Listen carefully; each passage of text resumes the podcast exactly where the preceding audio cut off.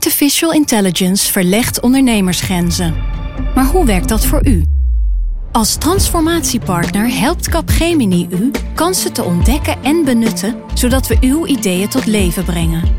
Vorm uw eigen mogelijkheden met generative AI. Ontdek meer op capgemini.nl/slash AI. Capgemini. Get the future you want.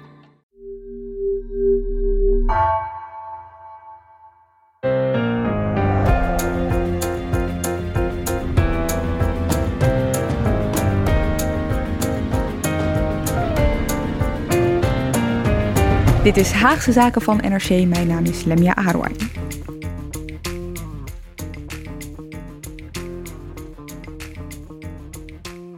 En we beginnen even in de zomer van vorig jaar. En we gaan terug naar de laatste persconferentie uh, die Mark Rutte en Hugo de Jonge toen gaven voordat het reces begon.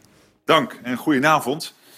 Het is inmiddels uh, ruim drie maanden geleden dat ik in mijn televisietoespraak zei dat het net leek alsof we in een achtbaan zaten die steeds sneller aan het rijden was.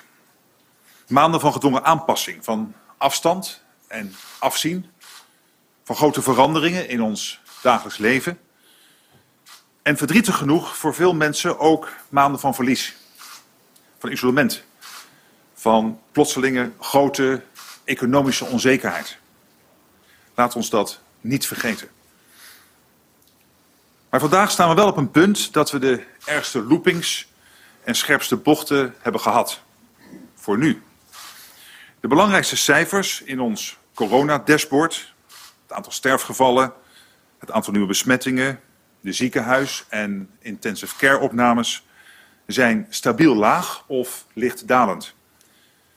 We hadden voor het eerst in maanden een dag met nul vastgestelde corona-sterfgevallen. En kan het niet vaak genoeg zeggen, dat hebben we samen gedaan. Dat hebben we samen bereikt. Een optimistische toon die een maand later, dus in juli 2020, heel anders klonk. De jongen en Rutte die waren op vakantie. Uh, Vert Grapperhaus van Justitie en Veiligheid die mocht het woord voeren. Dames en heren, het coronavirus is nog steeds onder ons.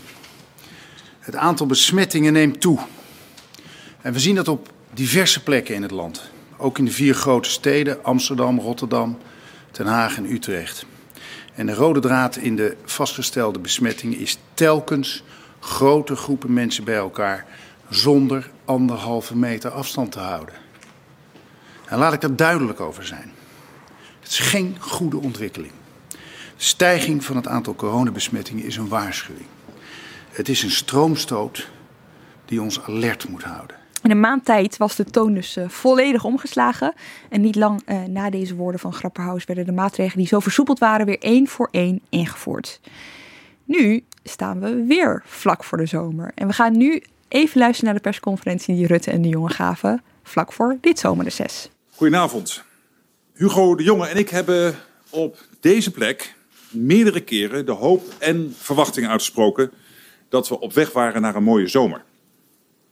En die verwachting komt gelukkig uit. Iedereen heeft kunnen zien hoe alle coronacijfers de laatste weken in snel tempo de goede kant op gingen. Hoe het aantal besmettingen hard daalde en vooral hoe de druk op de zorg flink is afgenomen. En de vraag is: is de situatie nu net zoals die van vlak voor de zomer van 2020? En is er eigenlijk genoeg geleerd van de periode daarna? Daar hebben we het vandaag over in Haagse Zaken. En als het gaat over corona en als het gaat over coronacijfers, zijn er natuurlijk maar twee mensen die ik hier kan uitnodigen bij me in de studio: Wouter van Loon en Pim van den Dol. Welkom allebei. Goedemiddag. Dankjewel. Dit was een uh, ja, rollercoaster die we zojuist hebben gehoord. Hè, van optimisme naar pessimisme en nu weer optimisme. Ik heb even teruggekeken. Op 9 oktober van vorig jaar zaten we ook in deze formatie in de studio.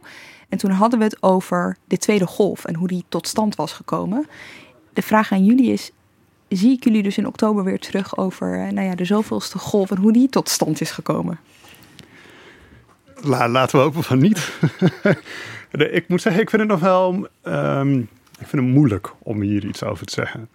Uh, aan de ene kant hebben we die vaccinaties natuurlijk, maar er zijn ook nog wel heel wat onzekerheden rond dit hele thema. Waarvan we denk ik in de praktijk moeten afwachten hoe dit zich nu gaat uitpakken. Dus ik vind het nog wel spannend. Als jij die, eh, die optimistische boodschap van Rutte hoort van net, dan, uh, dan gaan er bij jou meteen allerlei radartjes met mitsen en maren aan het werk. Ja, ik hoor sommige mensen ook wel zeggen dat het moeilijk is om van je angst af te komen. Dat zal het ik weet niet of het helemaal is uh, wat er aan de hand is nu in mijn hoofd. Maar nee, ik denk dat er nog wel serieuze kanttekeningen bij te plaatsen zijn. Maar daar gaan we het denk ik nog over hebben. Gaan we straks allemaal... Uh, voordat we de vergelijking met vorige zomer echt gaan trekken... is het misschien wel eerst even goed om de cijfers van nu erbij te pakken. Wouter, hoe staat het er nu voor met coronavirus in Nederland? Nou, je zou kunnen zeggen dat, het, dat, het, dat we in een best wel gunstige situatie zitten nu. Als je bijvoorbeeld kijkt naar het aantal ziekenhuisopnames, dat zijn er nu gemiddeld 14 per dag, nieuwe. Nou, dat was uh, eind april, begin mei waren dat er uh, ruim 260. Hè, dus dat is echt een flinke daling en dat gaat nog steeds naar beneden. Van die opnames zijn er nu gemiddeld de afgelopen week twee op de IC. En soms zijn dat er zelfs nul per dag. Nou, eind april waren dat er 70, dus dat is echt een flinke daling. Dus nou, dat zijn echt flinke verschillen. En ook uh, de vaccinatiecampagne gaat nu goed. Hè? Dus er zijn inmiddels 16 miljoen prikken gezet. Nou, dat moeten er in totaal 24 miljoen worden. En daar komen er nog wat bovenop, want die 24 miljoen zijn alleen volwassen Nederlanders. En afgelopen week is natuurlijk besloten dat ook 12 tot 17-jarigen gevaccineerd gaan worden. Maar goed, in elk geval een flink deel van de Nederlanders heeft op zijn minst al een eerste prik gehad. En een vast deel daarvan inmiddels ook al een tweede. Dit klinkt allemaal heel positief natuurlijk. Als je dus luistert hè, naar wat we net hoorden aan het begin, uh, Rutte en zijn optimisme voor de zomer van vorig jaar, en je vergelijkt dat met dit jaar, is dat eigenlijk wel te vergelijken? Nou, ik denk dat er wel één echt groot verschil is. En dat zijn toch de vaccins. Dat we nu zoveel mensen hebben gevaccineerd. En dat de kans dat het misschien zo snel op dezelfde manier weer misgaat, toch wel echt kleiner is geworden. Dus ik ben daar zelf wel iets, iets optimistischer over dan hoe we er vorig jaar voor stonden. Maar goed, dit aan de andere kant, het virus heeft ons ook steeds verrast. Dus ja, zeker weten doen we het niet. Dus eigenlijk zeg jij, die vaccins waren het grote zijn het grote verschil tussen nu en toen. Of in ieder geval dat, hè, die cijfers die jij net allemaal opnoemt, uh, Wouter. Maar ja, ik heb begrepen dat jij uh, voor jezelf lijstjes bent gaan maken. Zoals dat gaat. met zeg maar een positief lijstje en een lijstje met onzekerheden rond die vaccins. Ja, je hoort nu van alle kanten uh, wat er dit najaar gaat gebeuren. Hè? En ik dacht voor mezelf, ik ga eens een lijstje maken met nou, de positieve argumenten. Hè? Dus ehm, waarom het in het najaar goed zou gaan en negatieve argumenten waarom het toch weer mis zal gaan. Kan gaan. Kan gaan. Misschien is dat een goede kanttekening. Zullen, we, nou, zullen, positief beginnen? Ja, oké. Nou, de, het eerste positieve argument is wat Pim eigenlijk net zegt: die vaccins werken echt ongelooflijk goed. En zelfs tegen de nieuwe varianten, die een stukje agressiever zijn dan het originele virus, zelfs daar werken ze echt ongelooflijk goed tegen. En dan met name ziekenhuisopnames. Dus zelfs na een eerste prik ben je tegen de beruchte Delta-variant, die inmiddels uh, in Nederland ook hard aan het groeien uh, is, ben je best goed uh, beschermd als je alleen nog maar een eerste prik hebt gekregen. Hm. Dus nou, rond de 80% van de mensen die zo'n vaccinatie heeft gekregen, die belandt gewoon niet meer in de in het ziekenhuis. Of in elk geval, je hebt 80% minder kans om in het ziekenhuis te belanden. Dus nou, dat is best wel indrukwekkend natuurlijk. Dan is het natuurlijk wel zo dat mensen wel die vaccinatie moeten willen uh, nemen. Hoe is het daarmee gesteld? Nou, en dat is het tweede positieve argument. De vaccinatiebereidheid is gewoon heel hoog. En als je even terugdenkt aan september vorig jaar, toen was dat nog best wel een issue. Van uh, hoeveel mensen willen zo'n vaccin eigenlijk? En toen was zelfs al ongerustheid over het zorgpersoneel dat misschien zelfs niet bereid was om uh, dat vaccin te komen halen. Nou, inmiddels is alle bezorgdheid daar wel over weggeëpt. Zeker onder kwetsbare groepen zijn echt enorm hoge percentages uh, mensen die een uh, vaccin zijn komen halen. zelfs onder jongeren loopt dat nu op naar bijna 75 procent. En over de hele bevolking, volwassen bevolking, wil ongeveer 85 procent een vaccin komen halen. Wat is er nodig? Nou, misschien uh, uh, komen we dan weer bij het negatieve. Oh, oké, nee, dus nee, nee, daar komen we straks voor op. Ja, laten we in de flow blijven van positiviteit. Ja. Maar als je dit vergelijkt met uh, veel landen in het buitenland, dan is er echt wel een, een verschil. Hè? Dus in Nederland is de vaccinatiebereidheid echt hoog. dus bijvoorbeeld Frankrijk heeft daar echt best wel problemen mee. Je moet mensen echt overtuigen om, mm -hmm. om naar die vaccinatiestraat te komen. in Nederland is het in sommige wijken is dat ook zo, maar in het algemeen is die vaccinatiebereidheid heel hoog. Okay. En dan een derde positieve argument is, en daar waren ook nog wel wat zorgen over de afgelopen tijd, is uh, zo'n vaccin dat werkt in elk geval tegen symptomen. Hè? Dus je wordt er niet ziek van, of in elk geval de meeste mensen worden niet meer ziek. Maar er was nog wel een risico dat je het wel door zou kunnen geven. Dus dat je het virus in je keel zou krijgen en dan mm. heb je zelf nergens last van, maar dan iedereen die je tegenkomt zou je nog wel kunnen besmetten. Mhm. En nou, daar is het RIVM aan gaan rekenen en die kwamen dan tot de conclusie van nou, als dat zo is, hè, dus als je het ook echt door kan geven, uh, ondanks dat je niet ziek wordt, dan zou dat toch tot een flinke nieuwe piek kunnen leiden. Maar uit de eerste onderzoeken blijkt dat die vaccins daar eigenlijk ook best goed tegen werken. Uh, dat is echt niet 100%. Hè, dus er is nog steeds een kans dat je het wel doorheeft. Maar het reduceert toch al best wel stevig de kans dat je het zou kunnen doorgeven. Dus je beschermt niet alleen jezelf, maar je beschermt daarmee ook tot op zekere hoogte de mensen om je heen. Ja, klopt. Nou, en dat is echt wel een, uh, een flinke meevallen. Als je de modellering van het RIVM bekijkt, dan, ja, dan maakt dat echt het verschil tussen dag en nacht soms. Dan ga je nu met dat andere lijstje al deze positiviteit in één klap uh, neermaaien? Nou, uh, dat zou ik niet willen zeggen. Maar er valt nog wel wat tegen in te brengen in elk geval. Nou, de eerste zijn de varianten. Daar hebben we het net natuurlijk al even over gehad. En toen vroeg je ook, hoe hoog is die vaccinatiebereidheid nou eigenlijk? Wat is de vaccinatiegraad die nodig is? En dat heeft dus heel erg te maken met die varianten hoe besmettelijker een variant is of een virus is, hoe hoger die vaccinatiebereidheid moet zijn. En bij dat oude virus was het idee van, nou, misschien hebben we aan uh, 65, 70 procent wel genoeg. Hè. Dat ligt er een beetje aan hoe besmettelijk dat virus dan precies was. Daar verschillen de onderzoeken een beetje in. Maar inmiddels hebben we te maken met een variant die veel besmettelijker is. En kom je misschien wel uit op zo rond de 80 procent. En dan begin je toch al wel aardig in de buurt te komen van die 85% vaccinatiebereidheid in Nederland. En nou, die Delta-variant is ongetwijfeld niet het laatste, uh, de laatste variant die komt. Want als straks in Nederland de vaccinatiegraad hoog is, dan is dat in de rest van de wereld nog lang niet zo. Hè? Dus heel veel landen, daar is nog niet eens gevaccineerd, of was een paar procent van de bevolking. En dan bestaat altijd nog het risico dat er een nieuwe variant komt, die wel door die barrières van de vaccinatie heen kan breken. Dus dat is nog een risico dat, uh, dat op de loer ligt. Dus eigenlijk zou je kunnen concluderen van als, als alles bij het gelijke zou blijven, dan zitten we goed.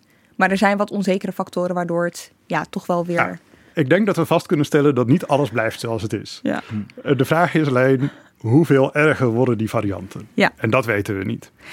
Over die vaccinatiebereidheid is het ook nog wel goed, eh, of tenminste goed, eh, is het ook nog wel een onzekerheid. Ik heb de afgelopen tijd vaak bijvoorbeeld de jongen horen zeggen, die bereidheid kan wel hoog liggen, of die vaccinatiegraad kan wel hoog liggen, maar het moet wel ook evenredig verdeeld over het land hoog liggen. Ja, dus dat is, een, uh, dat is het, het, tweede argument op het negatieve lijstje. De vaccinatiebereidheid is hoog, maar nog altijd 15% laat zich niet vaccineren. En dat zijn vaak groepen die dicht bij elkaar in de buurt wonen. Dus bijvoorbeeld op de Bijbelbelt of in uh, bepaalde achterstandswijken in grote steden.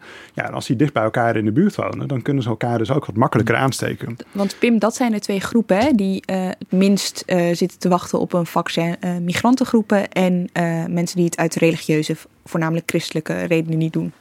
Ja, dat zijn eigenlijk de twee bekende groepen en misschien jongeren, maar daar hopen we dan dat het wel dat, dat die ook gaan komen, voldoende komen opdagen. Uh, maar daar zou het achter kunnen blijven. Geeft overigens wel, hè, uh, volgens mij ook wel een, een, een soort nog ethisch dilemma in misschien in het najaar. Want, want ik zat ook nog te denken van, hè, stel je voor in deze groepen gaat het virus juist weer opleven. En die komen weer bijvoorbeeld in het ziekenhuis. En die, die zorgen toch ook daarmee voor problemen. Doordat ze ook zelf soms ervoor gekozen hebben niet gevaccineerd te zijn. En hoeveel solidariteit kan je eigenlijk vragen van al die mensen die wel uh, hè, die, die 80, 50 procent van Nederland, die wel gekozen heeft om zich te laten vaccineren. Dat is ook nog een hè, best wel een ethisch dilemma wat kan gaan opspelen. Voor de vraag of je dan weer opnieuw uh, Ik las laatst bij, wil nemen. bij ons in de krant een, een reportage uh, dat je bijvoorbeeld in Rotterdam ziet dat, dat ze in die wijken heel gericht artsen die uh, bijvoorbeeld Turks of Marokkaans spreken, uh, de markt opsturen bijvoorbeeld. En die gaan daar praten met mensen die bepaalde angsten hebben of die uh, desinformatie mee hebben gekregen over het vaccin. Die proberen ze te overtuigen, zelfs zover dat ze dan met die mensen meteen mee kunnen lopen naar een priklocatie waar ze dan een vaccin kunnen krijgen. maar dat schijnt wel goed te werken. Ik werd wel optimistisch van dat ene artikel dat die hele persoonlijke benadering en mensen geruststellen dat mensen dan vaak toch bereid zijn om die, om die prik te halen. Ja, Merk je, Wouter, hoe we van jouw onzekerheid alsnog iets positiefs proberen te Ja, wat, framen? goed, wat goed voor jullie. Ja, ja nee, maar dit is, dit is wel heel belangrijk. Ik hoorde eh, Van Dissel eh, afgelopen week ook in een briefing voor journalisten zeggen dat dit is eigenlijk het belangrijkste. Eh hij zei, als je, als je kijkt waar we nu energie in moeten steken, dan is het mensen die zich niet laten vaccineren overtuigen om dat toch te doen. En Eh, Wouter, mag ik jou nog één vraag stellen? Hè? Want, want die, die, die vaccinatiegraad die we willen bereiken, is natuurlijk altijd het verhaal geweest van dan ontstaat er groepsimmuniteit. Dus als we een voldoende hoog niveau bereiken, dan dooft het virus ook echt letterlijk uit. Hoe moet ik het zien? Nou, het idee is dan dat als er een nieuwe brandhaard ontstaat, Mhm. dat je die dan in theorie zonder maatregelen eh, Ja. te nemen vanzelf zou uitdoven. Dus het is niet dat het hele virus dan weg is, maar dan krijg je in Nee. elk geval niet de situatie waarin eh, heel Nederland weer in lockdown moet. Dat is, Ah. de, dat is de theorie. Ja. Laten we verder gaan met jouw eh, doemlijstje. Nou, ehm, Pim haalt net wel een relevant punt aan, eh, namelijk over die zorg. Het probleem van het afgelopen jaar in de ziekenhuizen is dat er heel veel operaties zijn uitgesteld en andere behandelingen. En eh, dat wil zeggen dat er die druk op de ziekenhuizen, ondanks dat er nu weinig coronapatiënten zijn, is nog steeds heel hoog. Alles moet ingehaald worden. Alles moet ingehaald worden, ja. Eh, onze collega Lisa van Lonkhuizen die heeft gekeken van goh, hoeveel zorg moet er nu precies worden ingehaald. En die ontdekte dat eh, als de operatiekamers op 110% van hun normale capaciteit functioneren, dat ze dan twee jaar nodig hebben om al die operaties in te halen. Om een beeld te geven van hoe groot die achterstand is.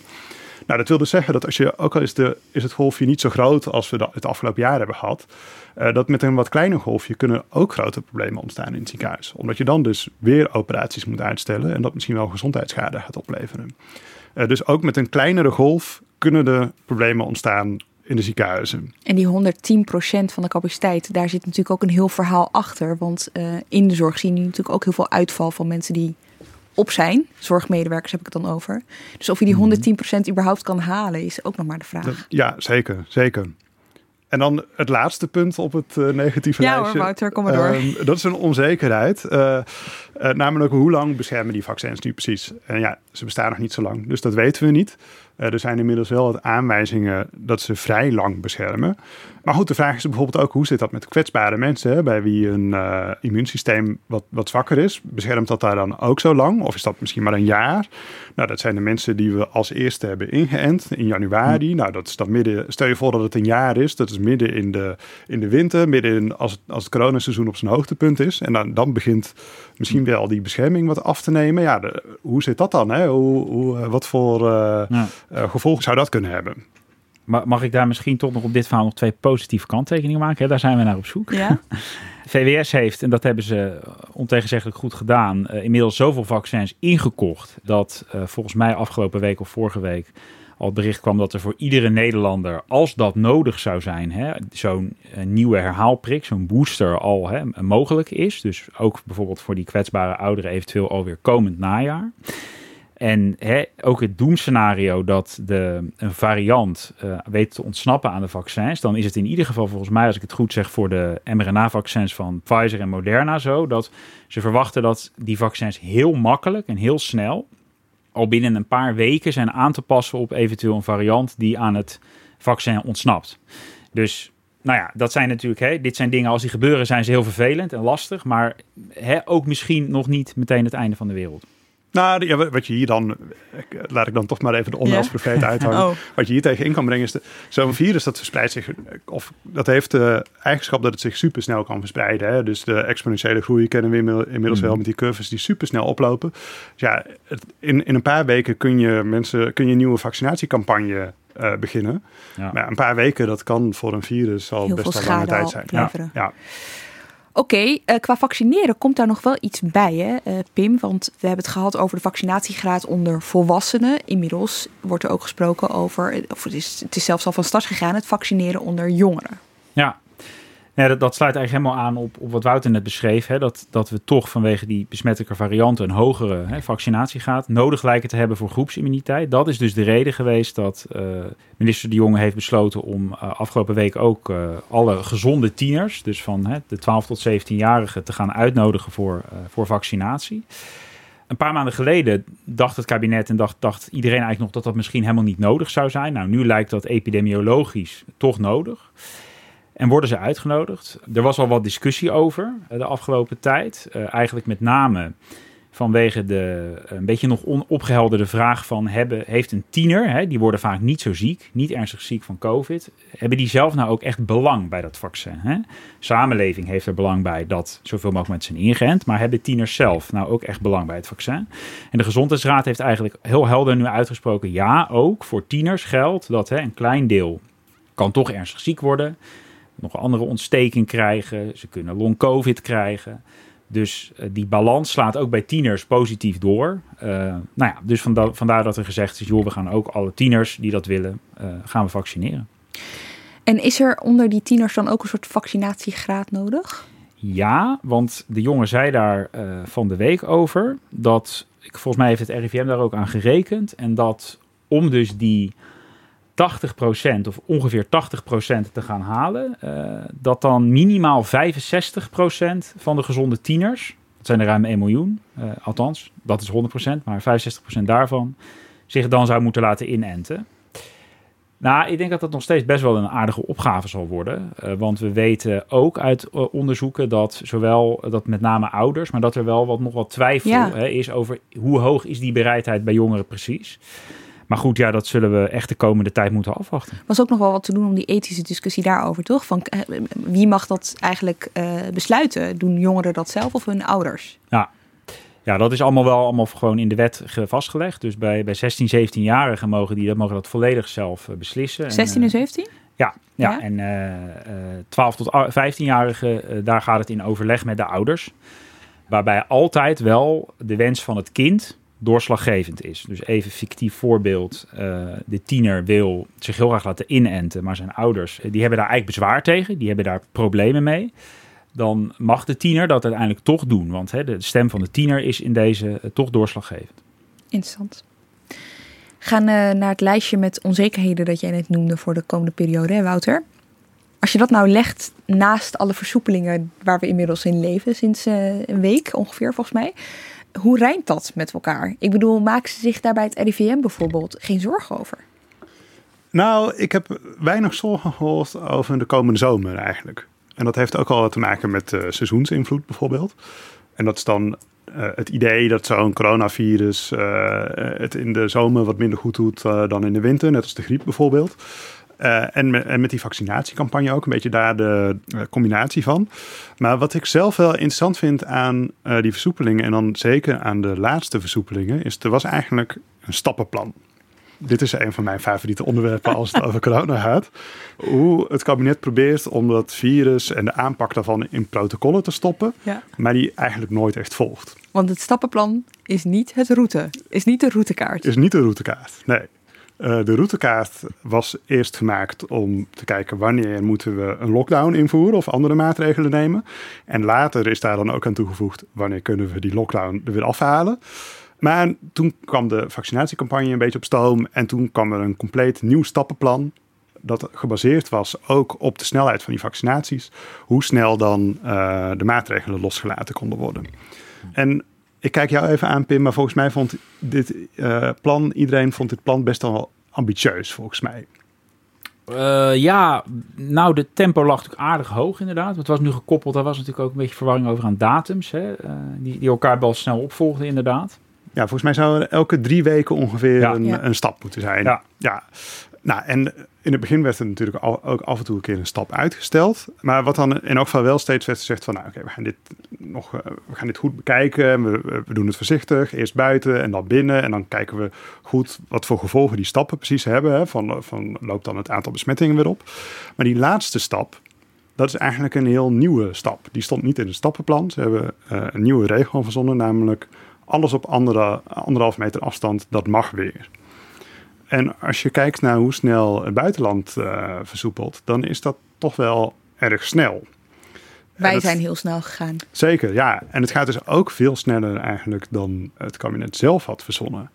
En dat vind ik toch wel, dat vind ik opvallend. Dus dat, uh, dit past ook al een beetje in het patroon van die routekaart. Want daar werden ook steeds nieuwe maatregelen verzonnen. En dan stond iets niet in de routekaart, maar dan werd het toch gedaan en werd de routekaart geüpdate. Dat gebeurt nu eigenlijk ook met het stappenplan en de versoepeling. Hè. Dat gaat veel sneller dan, uh, dan in eerste instantie was uh, bedacht. En daardoor is het dus ook moeilijker om te zien of zo'n stap misschien tot nieuwe besmettingen. Want als je alles op één hoop gooit, dan kun je dus niet terugredeneren. Precies, ja.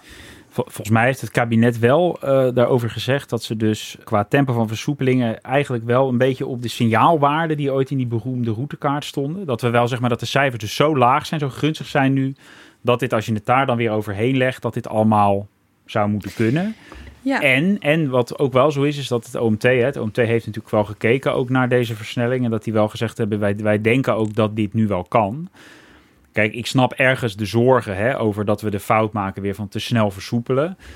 En ik snap ook dat het kabinet, zeg maar, na zo'n hele lange uh, laatste lockdown, um, zeg maar, zodra het weer kan, ook de maatschappij die lucht wil geven. Dat is natuurlijk steeds die balans die je wil zoeken. Je, je, je wil ook niet te lang wachten met, uh, met die ruimte geven als het kan, hè, als de cijfers goed zijn. Maar wat je nu zegt, als die cijfers goed zijn, dat hoorden we natuurlijk helemaal aan het begin. Hè, Rutte zeggen voor de zomer van 2020. Eigenlijk hè, precies dat. De cijfers zijn goed genoeg. Toen was het dashboard nog heel erg in uh, met al die cijfertjes, met al die signaalwaarden. Mm Die uh, sloeg allemaal groen uit, dus het kon. Ja. Maar dat bleek toch niet genoeg. Ja, volgens mij was het vooral dat, je, dat bij hè, de, de oplopende cijfers, die toen ze weer gingen stijgen, dat er niet is gereageerd. Maar, maar je kan natuurlijk volgens mij niet hè, uit angst voor een nieuwe opleving niet versoepelen. Want als je, als je zo gaat redeneren, dan hou je de maatschappij uh, hè, permanent gevangen in een, uh, ja, in een systeem van maatregelen. Uh, volgens mij is het vooral belangrijk, en nou ja, dat is natuurlijk nu opnieuw afwachten, maar loopt het weer op, wat doe je dan? Ga je dan wel tijdig reageren? Zullen we meteen door op die vorige zomer? Want inderdaad, het idee was toen die besmettingslaag, uh, besmettingsgraad moet ik zeggen, ligt zo laag dat als het dan lokaal eventueel ergens uh, opleidt, dat we dat dan wel in één keer kunnen doven. Lokaal ingrijpen was toen ook wel een beetje de vies. Dat, ah. dat werkte niet. Of gebeurde niet, kun je eigenlijk ook zeggen. Nee, nee, vorig jaar zomer, hè, uh, die laatste persconferentie die we in het begin hoorden, toen zei Hugo de Jonge, we willen bij een nieuwe opleving van het virus, willen we regionale maatregelen nemen om te zorgen dat het niet weer uit de hand loopt. Nou, dat is natuurlijk uh, vorig jaar een totale illusie gebleken, want heel weinig mensen waren beschermd. Het virus kon zich dus weer veel sneller verspreiden, ook door het hele land uiteindelijk, dan we hadden verwacht blijkbaar. Was achteraf heel naïef. Maar wat vooral ook niet goed geregeld was en daardoor niet goed ging, is dat het eigenlijk vanaf het begin van die zomer vorig jaar onduidelijk was wie die regionale maatregelen nou moest nemen of kon nemen. Dus uh, de burgemeesters, die hebben eigenlijk uh, de hele zomer lang, of op een aantal momenten in ieder geval, uh, best wel aan de bel getrokken, ook bij het kabinet, alarm geslagen. We zien het hier oplopen, bijvoorbeeld in de grote steden, Rotterdam, Amsterdam. Maar wij weten niet zo goed wat we kunnen doen. Ze deden uh, af en toe wel wat. Hè. In Amsterdam had je toen die looprichtingen bijvoorbeeld. Dat ja, uh, dat, dat in het ja. centrum was uh, ingesteld. Er werden hele kleine maatregelen genomen eigenlijk. In, in, ja, in een soort van poging. Ja, we moeten iets doen. Maar niemand wist eigenlijk wat precies. en wat voor die burgemeesters denk ik ook heel lastig was. Is dat zij natuurlijk ook niet uh, onnodig uh, en te snel zeg maar, wilden ingrijpen in hun eigen regio. Want dat heeft ook weer economische schade midden in de toeristenzomer. Nou ja, uh, kortom. Dat waterbedeffect werd de hele tijd ja, genoemd natuurlijk. Precies. Als wij de boel dichtgooien, ja. dan gaan ze wel naar de gemeente. De vrees. Er gebeurde wel wat in die zomer. Namelijk die mondkapjesplicht die in sommige steden als experiment werd... werd ja, ja, hier hebben we het inderdaad echt al over, ik geloof half augustus, dat Rotterdam en Amsterdam eigenlijk uit een soort pure wanhoop dachten, ja, we, we moeten iets doen. Toen kwam er een experiment met mondkapjes op uh, in de winkelstraten. Ik herinner me dat nog. Toen moest ik opeens buiten in Rotterdam een mondkapje op midden in de zomer. Nou vond iedereen toen eigenlijk ook heel raar. Uh, maar het was echt uh, toen een beetje een noodgreep. En de burgemeesters hebben het kabinet altijd verweten um, dat zij dus wel signalen gaven richting Den Haag, maar dat Den Haag niet wilde ingrijpen en ook geen, geen duidelijkheid gaf. Dit jaar is gezegd, dat moet eigenlijk anders. Hè? Dus uh, we moeten nu moeten we het beter regelen. Uh, en minister De Jonge heeft vorige week ook nog gezegd van... ik wil eigenlijk vanuit Den Haag gaan ingrijpen... omdat het vorig jaar niet goed ging. Is het nou logisch dat we weer regionale maatregelen gaan trekken? Ja, is mijn antwoord. Maar ik denk wel dat de les van vorig jaar is dat we dat niet aan de regio overlaten. Zo van, nou, kijk maar wat je verstandig vindt. Maar dat we in een regio maatregelen treffen, maar die wel landelijk nemen. Dat is denk ik de les van vorig jaar. We hebben namelijk gewerkt regionaal vorig jaar. Alleen toen hebben we toch, denk ik, in een aantal regio's gezien dat men het ook best spannend vond om tot stevige maatregelen te komen op het moment dat het nodig was. Uh, en dat maakt dat we daar uh, landelijke maatregelen willen afkondigen die wel regionaal moeten kunnen gelden. Als we een opleving hebben op de Bijbelbelt is het een beetje onlogisch dat we de cafés in Amsterdam dichtgooien. Die werd hem niet helemaal in dank afgenomen door burgemeesters. Nee, nee deze, vooral die, die opmerking Ja. dat eh, de burgemeesters het best spannend vonden om vorig jaar op tijd in te grijpen, die eh, zette veel kwaad bloed bij burgemeesters. Ik stond een dag la- ja. na dit Kamerdebat stond ik bij de uitloop van de ministerraad. En toen vertelde de jongen dat hij eh, de hele ochtend gebeld was geweest door allemaal burgemeesters. Die even om opheldering hadden gevraagd wat hij daar nou precies mee had bedoeld.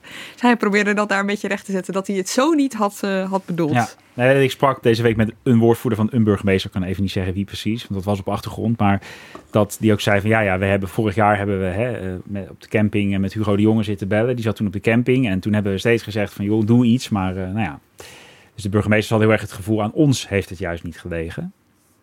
En nu wil hij het dus wel, nu wil, wil hij het wel wat gestroomlijnder laten verlopen. Ja, nou goed, hij zegt dus we willen nog steeds regionale maatregelen, maar willen ze eigenlijk vanuit Den Haag gaan opleggen. En dat vind ik toch ook wel, ik ben heel benieuwd hoe dat dan zou moeten werken. Want ik denk persoonlijk, ik ben benieuwd eh, wat jij daarvan denkt Wouter, maar dat juist in de situatie waarin we nu zitten, straks met toch een, hef, eh, een hoge eh, vaccinatiegraad in tegenstelling tot vorig jaar, dat misschien zo'n regionale aanpak, dus een regionale opleving doen, uitdoven met regionale maatregelen, dat dat dit jaar misschien wel, wel kansrijker is dan vorig jaar. Maar dan is het misschien wel weer heel gek als je daar in je eentje vanuit Den Haag over gaat beslissen. Ik kan me voorstellen dat een burgemeester daar ook in ieder geval over wil meepraten. Ja, nou, dat kan ik, me, kan ik me ook goed voorstellen. Ik vind het wel opvallend dat, eh, dat ze weer min of meer voor dezelfde aanpak eh, kiezen. Hè? Dus eh, we gaan dit, we gaan dit regionaal uitdoven. Is dat een brandjes uittrappen, werd dat dan vorig jaar genoemd. Wat ik zelf wel fascinerend vind, is dat bij het RIVM zijn er wat zorgen over de testbereidheid. Dus vorig jaar was het idee, we gaan een enorme testcapaciteit opzetten. En dan mag iedereen met klachten mag zich laten testen. En dan kunnen we die eh, brandjes kunnen we zien opkomen. En dan, gaan we, dan duiken we er bovenop. Dat was het idee. Hè? En eh, ja, als straks nu iedereen gevaccineerd is, dan is de vrees, en dat zie je ook al uit de eerste onderzoeken, mensen met milde klachten, dus die alleen een snotneus hebben of eh, een beetje keelpijn, maar verder nergens last van, dat die niet meer naar de teststraat komen. En dan wordt het best wel ingewikkeld. Want voor de die, duidelijkheid, eh, dat is wel de bedoeling. Zelfs als je je twee vaccins hebt gehad en je hebt klachten die op coronaklachten rijk- lijken. Want Hm. Ja. het beschermt je maar tot zoveel procent. Zeker, ja. En misschien kun je dus ook mensen nog wel aansteken. Ja. Dus dan is het niet voor jezelf, maar dan eh, misschien voor je moeder of je buurman, Ja. zeg maar, of je collega. Maar goed, de vrees is dus dat, dat niet iedereen meer naar die eh, teststraat komt. En dan is de vraag, ja, hoe ga je die brandjes precies ontdekken? Hè? En hoe ga je ze dan uittrappen?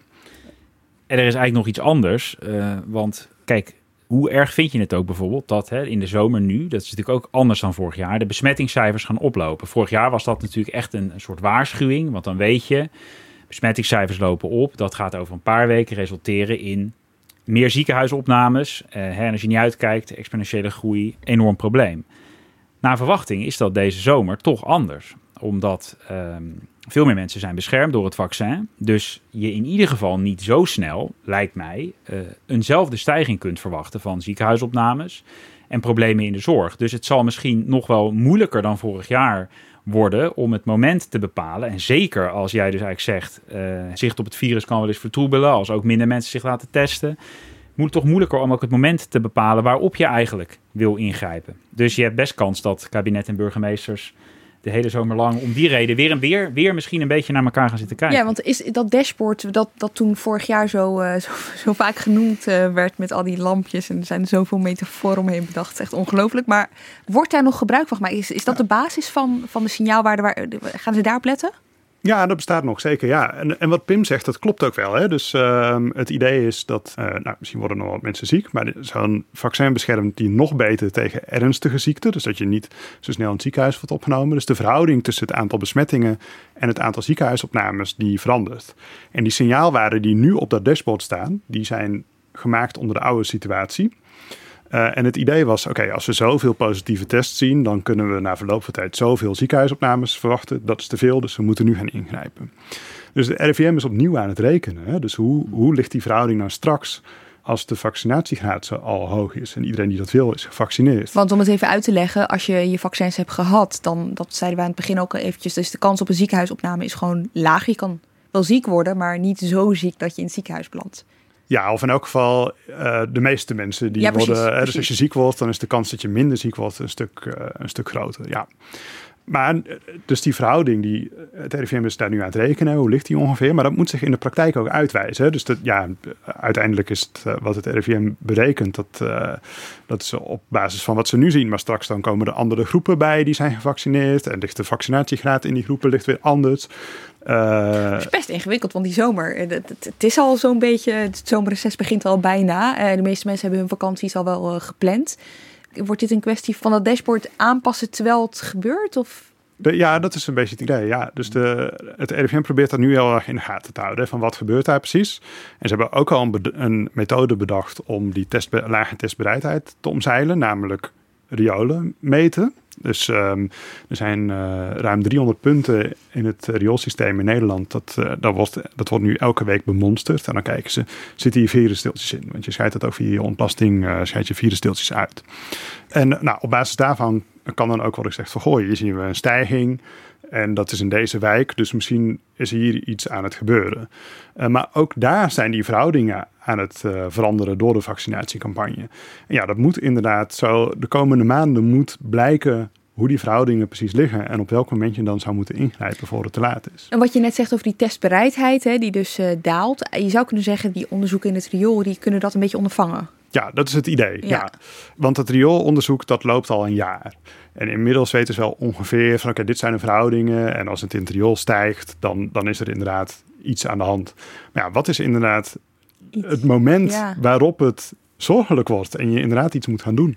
Dat is nog best wel ingewikkeld.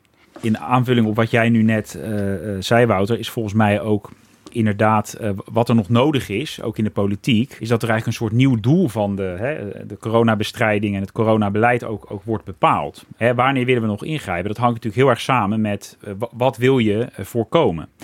Hè, we hebben de afgelopen anderhalf jaar was dat doel eigenlijk best heel duidelijk. Nederland stuurde natuurlijk echt op de zorgcapaciteit. De, de kritieke IC-grens, die moest worden bewaakt. Want anders zouden de ziekenhuizen overstromen. Zouden mensen zelfs buiten het ziekenhuis in theorie sterven. Nou, dat is natuurlijk een situatie die wil iedereen voorkomen. Nu is dat uh, rampscenario, zeg maar, toch wel heel ver uit beeld. Denken we, hopen we. Dan heb ik het even niet per se misschien over het najaar, maar ook al iets daarvoor. En moet je je dus afvragen, ja, wat, wat, wat vinden we nu uh, een probleem? Vinden we de uh, forse stijging van besmettingen nog een probleem als de meeste mensen niet meer ernstig ziek worden? Daar kun je verschillend over denken. Er zijn mensen die zeggen, nou, dat is nog steeds best heel problematisch, want we weten bijvoorbeeld dat misschien wel uh, 15% long-covid krijgt, langdurige klachten houdt van corona. Dus de vraag is eigenlijk hoeveel ziektelast van, van corona wil je, wil je nog accepteren? Uh, en daar, daar is eigenlijk uh, voor mijn gevoel nog niet uh, echt een heel serieus debat over gevoerd. Het kabinet blijft zeggen, ook in de laatste Kamerbrief, van hè, overbelasting zorg en bescherming kwetsbaren. Dat blijven de doelen van ons beleid. Maar goed, die hebben we dan misschien al grotendeels behaald. Of de kwetsbaren zijn nu hè, beschermd met het vaccin de meeste. Dus de vraag is, is het doel behaald of verschuift het doel eigenlijk? Ja, Precies. Maar het is ook natuurlijk wel heel, uh, heel belangrijk, denk ik, in de zin van... we hebben natuurlijk anderhalf jaar heb je hele zware maatregelen nodig gehad... ten koste van heel veel hè, andere dingen om dat virus alleen maar te bestrijden. Dus de politiek zou zich natuurlijk ook moeten afvragen... ja, moet die balans ook niet langzaam terug? Maar dat is ook een beetje de discussie nog over leren leven met het virus. Maar moet je ook niet een bepaalde ziektelast en besmettingsgraad natuurlijk voorlopig accepteren...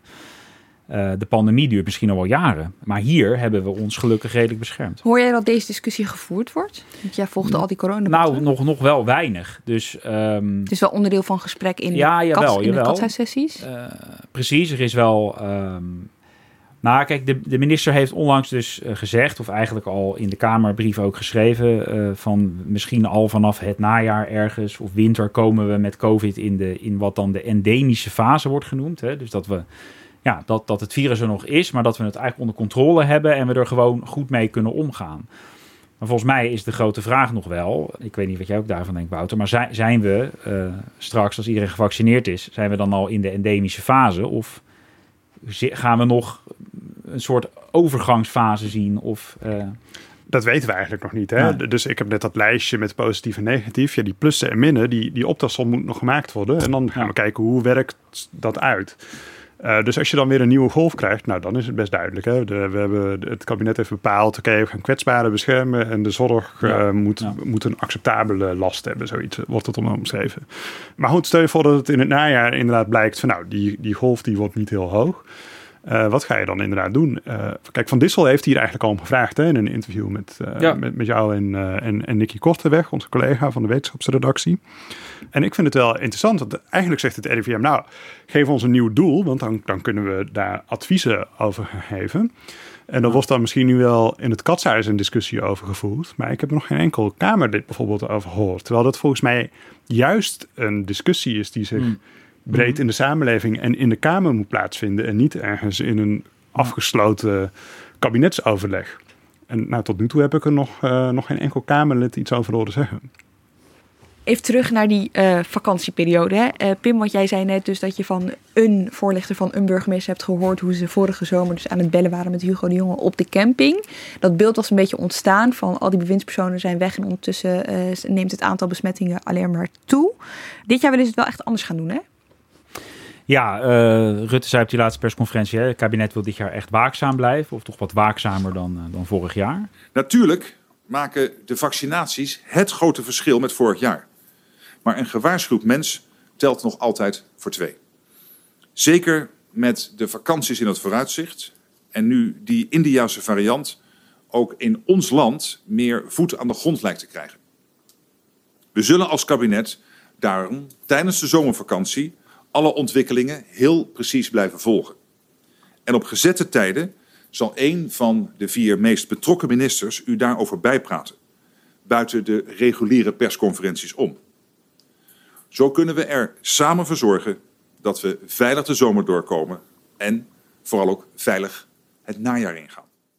Die vier betrokken demissionair ministers zijn dus Rutte, De Jonge, Tamara van Arken, Grapperhaus neem ik aan. Dat lijkt me wel, ja. ja. ja, ja. Oké, en uh, goed, die gaan ons dan iedere keer heel netjes uh, bijpraten. Maar stel nou, tot nu toe was het argument steeds: dit is een uh, hele grote crisis en daar horen verregaande maatregelen bij af en toe. Dat was steeds een argument toen die cijfers steeds heel hoog waren. Nu hebben we het gehad over die oplevingen, die kunnen terugkomen. De vraag is of die net zo, ja, dat, dat die oplevingen net zo, hoe zeg je, groot zullen zijn als dat ze eerst waren kan de overheid nog steeds ingrijpen op een manier zoals dat gebeurde toen het, ja, toen, toen het heel slecht ging met die cijfers? Ja. Nou, dat zou wel kunnen. Uh, en dat heeft ermee te maken dat uh, de coronawet uh, voor de komende maanden ook nog zal blijven gelden. Dus misschien even teruggaan naar vorig jaar. Er is een aparte wet gemaakt die eigenlijk de juridische grondslag biedt, op basis waarvan het kabinet de maatregelen kan nemen. Dus uh, nu die wet van kracht is, betekent niet dat alle maatregelen altijd gelden. Maar het kabinet kan ze op basis van die wet nemen. Heel veel van die maatregelen zijn nu natuurlijk gelukkig uh, weer uh, ingetrokken. Maar het kabinet heeft gezegd van we willen in ieder geval nog tot en met het najaar. Dus vanaf 1 september zal die ook nog weer drie maanden worden verlengd. Hebben we die wet nog nodig? En hè, dat werd dan ook beargumenteerd met in de wet zelf staat, hè, er moet een directe dreiging nog steeds zijn van de COVID-pandemie voor Nederland. Nou goed, daar, uh, dat vindt het kabinet dus. En ze zeggen dan bijvoorbeeld, wijzen dan uit OMT, die nog rekening houdt met een uh, significante winterpiek. Dus in theorie kunnen eigenlijk alle maatregelen die we hebben gehad, uh, afgelopen anderhalf jaar, heel eenvoudig door het kabinet opnieuw worden ingevoerd. en is de Kamer daarmee akkoord gegaan om dat te verlengen? Want daar nou ja, is akkoord voor nodig. Ja, de, die verlenging komt formeel in augustus. Daar is overigens geen nieuw wetsvoorstel voor nodig. Maar het is al duidelijk dat uh, de Kamer daar gewoon mee uh, akkoord wil gaan. Wat ook ergens wel weer opmerkelijk is, omdat altijd gezegd is van hè, de coronawet moet eigenlijk zo kort mogelijk van kracht zijn, omdat die eigenlijk alleen te rechtvaardigen is als de pandemie, als er een soort noodsituatie is door de pandemie. Maar goed, je komt natuurlijk nu een beetje in zo'n twijfelachtige periode van ja, uh, het kan nog misgaan, dus we houden hem achter de hand. Zo heeft het kabinet in ieder geval willen redeneren. Maar de Kamer gaat daar mee. Je zou er natuurlijk ja. tegenover kunnen stellen, nou, uh, hij stopt. Ja. Uh, en als het nodig is, dan voeren we hem weer in. Nou, dat had dus ook gekund. Precies ja. wat jij nu zegt. Kijk, dat was het alternatief geweest. Van je zegt van, nou ja, we trekken de wet nu toch in, omdat we echt in een totaal andere situatie komen. mochten we dan onverhoopt die maatregelen weer nodig hebben, dan gaan we bijvoorbeeld in september of oktober weer terug naar de Kamer met een nieuwe coronawet. Maar ja, dat is natuurlijk wel iets omslachtiger. Dus daar heeft het kabinet in ieder geval niet, uh, niet voor gekozen. Zou, zou, ik een vraag mogen stellen, Pim? Is de ja? uh, avondklok ook nog een optie nee, eigenlijk? Dat, nou, dat is dus uh, goed dat je het vraagt, want dat is de enige maatregel die ze dus bewust uit die coronawet willen halen. Die laten ze dus schrappen. Omdat ze nou ja, dat zo'n ingrijpende maatregel vinden, die, die uh, denken ze ook niet meer nodig te hebben. Ik geloof dat het OMT daar ook mee uh, ook gezegd heeft, die denken, die achten we niet meer nodig. Dus die wordt in ieder geval niet op basis van de coronawet opnieuw ingevoerd. In theorie zou het kabinet hem nog wel opnieuw kunnen invoeren via die andere wet. Weten jullie nog? Het hele gedoe eerder dit jaar. De backup plan. Uh, backup daar, daar hebben we nooit, nog een Haagse zaken over gemaakt. Ja, die precies, zetten we in de show notes voor wie zich daarin wil verdiepen. Dat, dat, was de wet met de B's, toch? Ja, de WBBBG. Maar goed, kijk, de avondklok is wel natuurlijk wel een paardenmiddel. Maar ook al die andere maatregelen die we hebben gehad, heeft het kabinet dus nog wel achter de hand uh, voor het najaar. Wat wel interessant is, denk ik, want die avondklok, het fijne van die avondklok voor het kabinet was, dit is af te dwingen. En nu is bijna alles, behalve die anderhalve meter en nog wat andere maatregelen, uh, die zijn allemaal weg. En ik vraag me af, hoe makkelijk wordt het om dat weer in te voeren? Je zag in die tweede lockdown, zag je al dat de naleving van die maatregelen uh, minder werd. Mensen zeggen ook, als ik straks ben gevaccineerd, dan ga ik me minder aan de, aan de regels houden. Ja. Um, dat wordt denk ik nog wel ingewikkeld als het straks nodig is om, om dan ja, te moeten doen met minder afdwingbare maatregelen. Bijvoorbeeld een avondklok. Zeker, nee, de naleving, dat is natuurlijk sowieso al een probleem. Maar ik denk ook het draagvlak. Uh, hè, wanneer is het nog proportioneel om, om die, die enorme vrijheidsbeperkingen in te stellen? Als een virus toch minder gevaarlijk is geworden. En wat ik al zei, hè, de, de uh, dat je misschien dan opnieuw zou moeten ingrijpen om een groep niet-gevaccineerden te beschermen. Ik denk dat het draagvlak daarvoor uh, in het najaar ook überhaupt heel veel minder zal zijn dan, dan het het afgelopen jaar is geweest. Dus ja, dat kan nog wel spannend worden. Denk ik. Ja, want het begon natuurlijk als een crisis. En op het moment ja. dat het geen crisis meer is, uh, doet dat natuurlijk ook wel wat met de bereidheid van mensen om zich om vrijheid op te offeren, bijvoorbeeld. Of ja. om zich op een onnatuurlijke manier te gedragen als dat weg is en jij bent uh, die prik twee keer gaan halen, dat was ja. toch, als je dat eenmaal had gedaan, dan was het toch goed. Ja. Het lijkt me dat dat wel een gecompliceerde situatie uh, Maar zo is het natuurlijk ook. Hè, dat, dat, is eigenlijk ook wel aan mensen beloofd natuurlijk. Het kabinet heeft ook wel heel erg gezegd van, hè, als we straks gevaccineerd zijn, dan is de crisis in principe ook hè, zo goed als ten einde. En er is ook wel een soort beloofd van, we, en we moeten ook, kijk, ik denk dat dat wel een hele fundamentele discussie is van wanneer, ja, we moeten toch ook, of we willen ook, denk ik, allemaal toch ook terug naar dat oude normaal. En, en ik weet wel dat het nog niet helemaal het oude normaal is, in de zin van dat dat virus er nog is. Maar ik ben heel benieuwd, inderdaad, wat we al net even zeiden, van dat de politiek de komende maanden toch dat fundamentele debat gaat voeren van ja. Hè, hoe, hoe brengen we het allemaal toch weer iets meer in, in balans? En ik denk dat de, de wens om de samenleving echt open te houden dit najaar echt veel, veel, veel sterker zal zijn dan afgelopen jaar. Omdat hè, ook misschien de dreiging van die overlopende IC's weg is. Dat was toch het, doem, het doembeeld. Daar schrokken mensen van. Ja, dat is minder. En, en ik denk dat, ja... Maar de vraag is of je dat debat niet had moeten voeren... terwijl ja. uh, de crisis nog gaande was, zeg maar. Omdat je dan nog uh, het gevoel van urgentie had. Je, als je mensen hun vrijheid volledig terug hebt gegeven... want de enige ja. maatregel die er echt nog toe doet... is er een waar mensen zich ook niet eens meer echt aan houden. Nee. Dat is die anderhalf meter uh, maatregel. En je gaat het dan hebben over wanneer pakken we die vrijheid weer ja. af... of wanneer is het nodig om dat te doen. In die context is dan nog net iets moeilijker... om mensen daarvan te doordringen, want alles kan. Ja.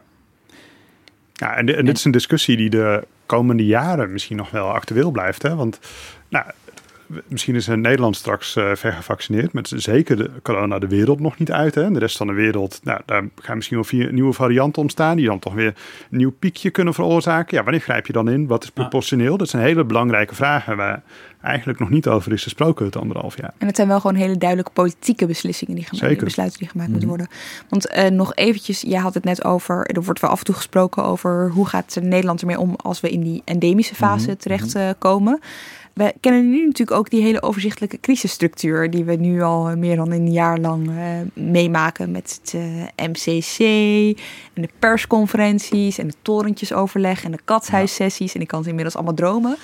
Maar dat blijft ook niet bestaan. Nou, in de zomer in ieder geval op een laag pitje ja. nu. Hè? Uh, ja, en het kabinet hoopt dat dat, dat, dat daarna uh, toch ook wel weer kan, uh, verder kan worden afgeschaald, uh, begreep ik. Dat je daar op een gegeven moment vanaf bent. Maar ja, dat zal natuurlijk ook echt afhangen van, komt het dit najaar terug of niet, denk ik. En als het dan vervolgens in die echt die endemische fase terechtkomt, dan is daar een plan voor inmiddels, toch? Van hoe, hoe we daarmee omgaan. Nou ja, in elk geval, de jongen die heeft daar wel het een en ander over gezegd. En ook geschreven in een Kamerbrief. Daar hebben we het net ook al even over gehad. Hè. Dus ehm, bijvoorbeeld hoe het virus dan in de gaten gehouden moet worden. En moet worden voorkomen dat er een nieuwe golf ontstaat en zo. Maar ja, het wordt een plan genoemd, maar het lijkt eigenlijk gewoon heel erg op wat we vorig jaar hebben gedaan. Dus het is niet een revolutionair plan voor een nieuwe fase, zou ik zeggen. Ehm, het is eerder een soort um, ja, blauwdruk van uh, hoe je het virus in de gaten moet houden. Maar als we dan eindigen met waar we mee begonnen hè, en die, die vergelijking weer trekken met uh, een jaar geleden in de zomer. Het grote verschil zijn die vaccins, dat hebben we heel uitgebreid uh, besproken. Maar in de werkwijze van het kabinet is dus eigenlijk, als ik jullie nu het afgelopen uur hoor, niet zozeer heel veel veranderd. Nee, ja, behalve dat ze dus beloven deze zomer centraler te gaan sturen en, en eerder te gaan ingrijpen dan vorig jaar. Dat, dat, volgens mij is dat de grote vraag van stel er komt weer een probleem, een opleving. Vorig jaar was het kabinet echt veel te laat met actie ondernemen. Slagen ze daar dit keer wel in of blijkt het hopelijk niet meer nodig? Was dat het? Ja, volgens mij nou. ja. Ja, ik dacht er komt hier nog heel veel van Wouter met een lijstje met doemscenario's en zo, maar dat is allemaal niet zo. Dat nee, ik ben, het hier helemaal, okay. ik ben het hier helemaal mee eens. Waarvan akte. Dank jullie wel, Wouter van Loon en Pim van den Dol. En jij zoals altijd weer bedankt voor het luisteren. Redactie en productie door Iris Verhulstonk, montage door Pieter Bakker.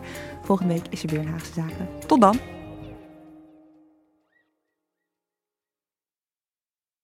Je hebt aardig wat vermogen opgebouwd. En daar zit je dan, met je ton op de bank. Wel een beetje saai, hè? Wil jij, als belegger, onderdeel zijn van het verleden of van de toekomst? Bridgefund is een slimme fintech die een brug slaat tussen de financiële behoeften van ondernemers en van beleggers. Dus wie belegt bij Bridgefund krijgt niet alleen een mooie vaste rente, maar brengt ook ondernemers in beweging. Echt waar! Met die ton kan je zoveel betere dingen doen. Bridgefund. Make money smile.